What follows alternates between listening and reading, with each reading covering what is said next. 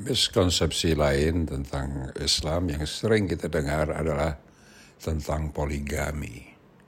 Seakan-akan agama Islam menganjurkan Muslim untuk berpoligami.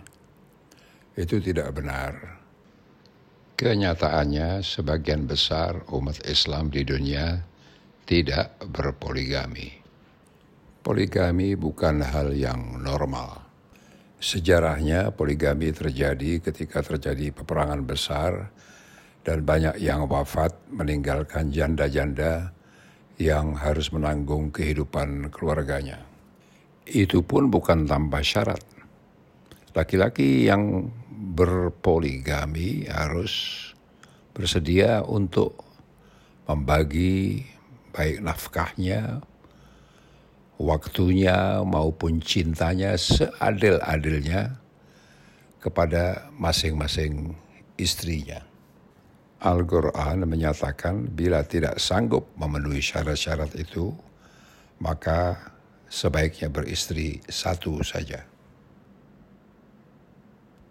Salah satu perbuatan yang dibolehkan atau tidak diharamkan dalam Islam adalah perceraian Kadang-kadang perceraian tidak dapat dihindari karena alasan yang sulit dicarikan jalan keluarnya seperti pasangan tersebut tidak mampu melahirkan keturunan.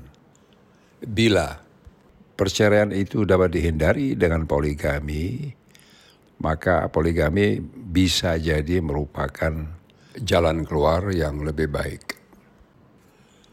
Poligami bisa jadi juga merupakan jalan keluar untuk menghindari hubungan seks tidak sah di luar pernikahan.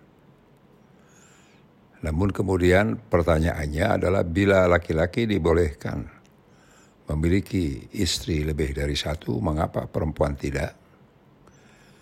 Jawabnya saya kira cukup jelas adalah masalah keturunan bila perempuan dibolehkan mempunyai suami lebih dari satu, maka tidak jelas keturunan yang dilahirkan dari rahimnya itu siapa ayahnya.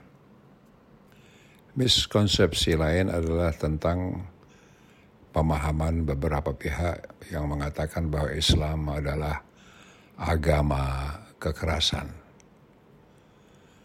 dan Islam berkembang di dunia dalam sejarahnya dengan menggunakan pedang.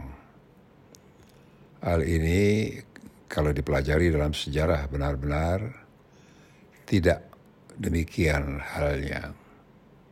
Sebagai contoh yang sangat mudah adalah Indonesia yang sekarang menjadi negara dengan pemeluk agama Islam terbesar di dunia Islam masuk ke sini sepenuhnya dengan jalan damai. Begitu juga Islam masuk ke negeri-negeri lain seperti India. Tidak ada sejarah kekerasan dalam menyebarkan Islam.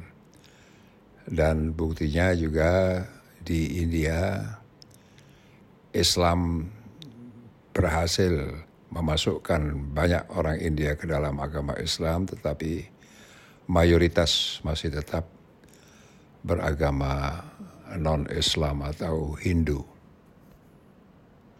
Kesalahpahaman tentang kekerasan dalam Islam telah kita singgung sebelum ini ketika berbicara mengenai jihad dan memang harus diakui kelompok-kelompok kecil yang dikenal sebagai teroris telah menafsirkan Islam dengan keliru karena mereka adalah kelompok garis keras yang menganggap bahwa mereka yang ada di luar agama Islam adalah musuh Islam semuanya yang harus dienyahkan dari muka bumi.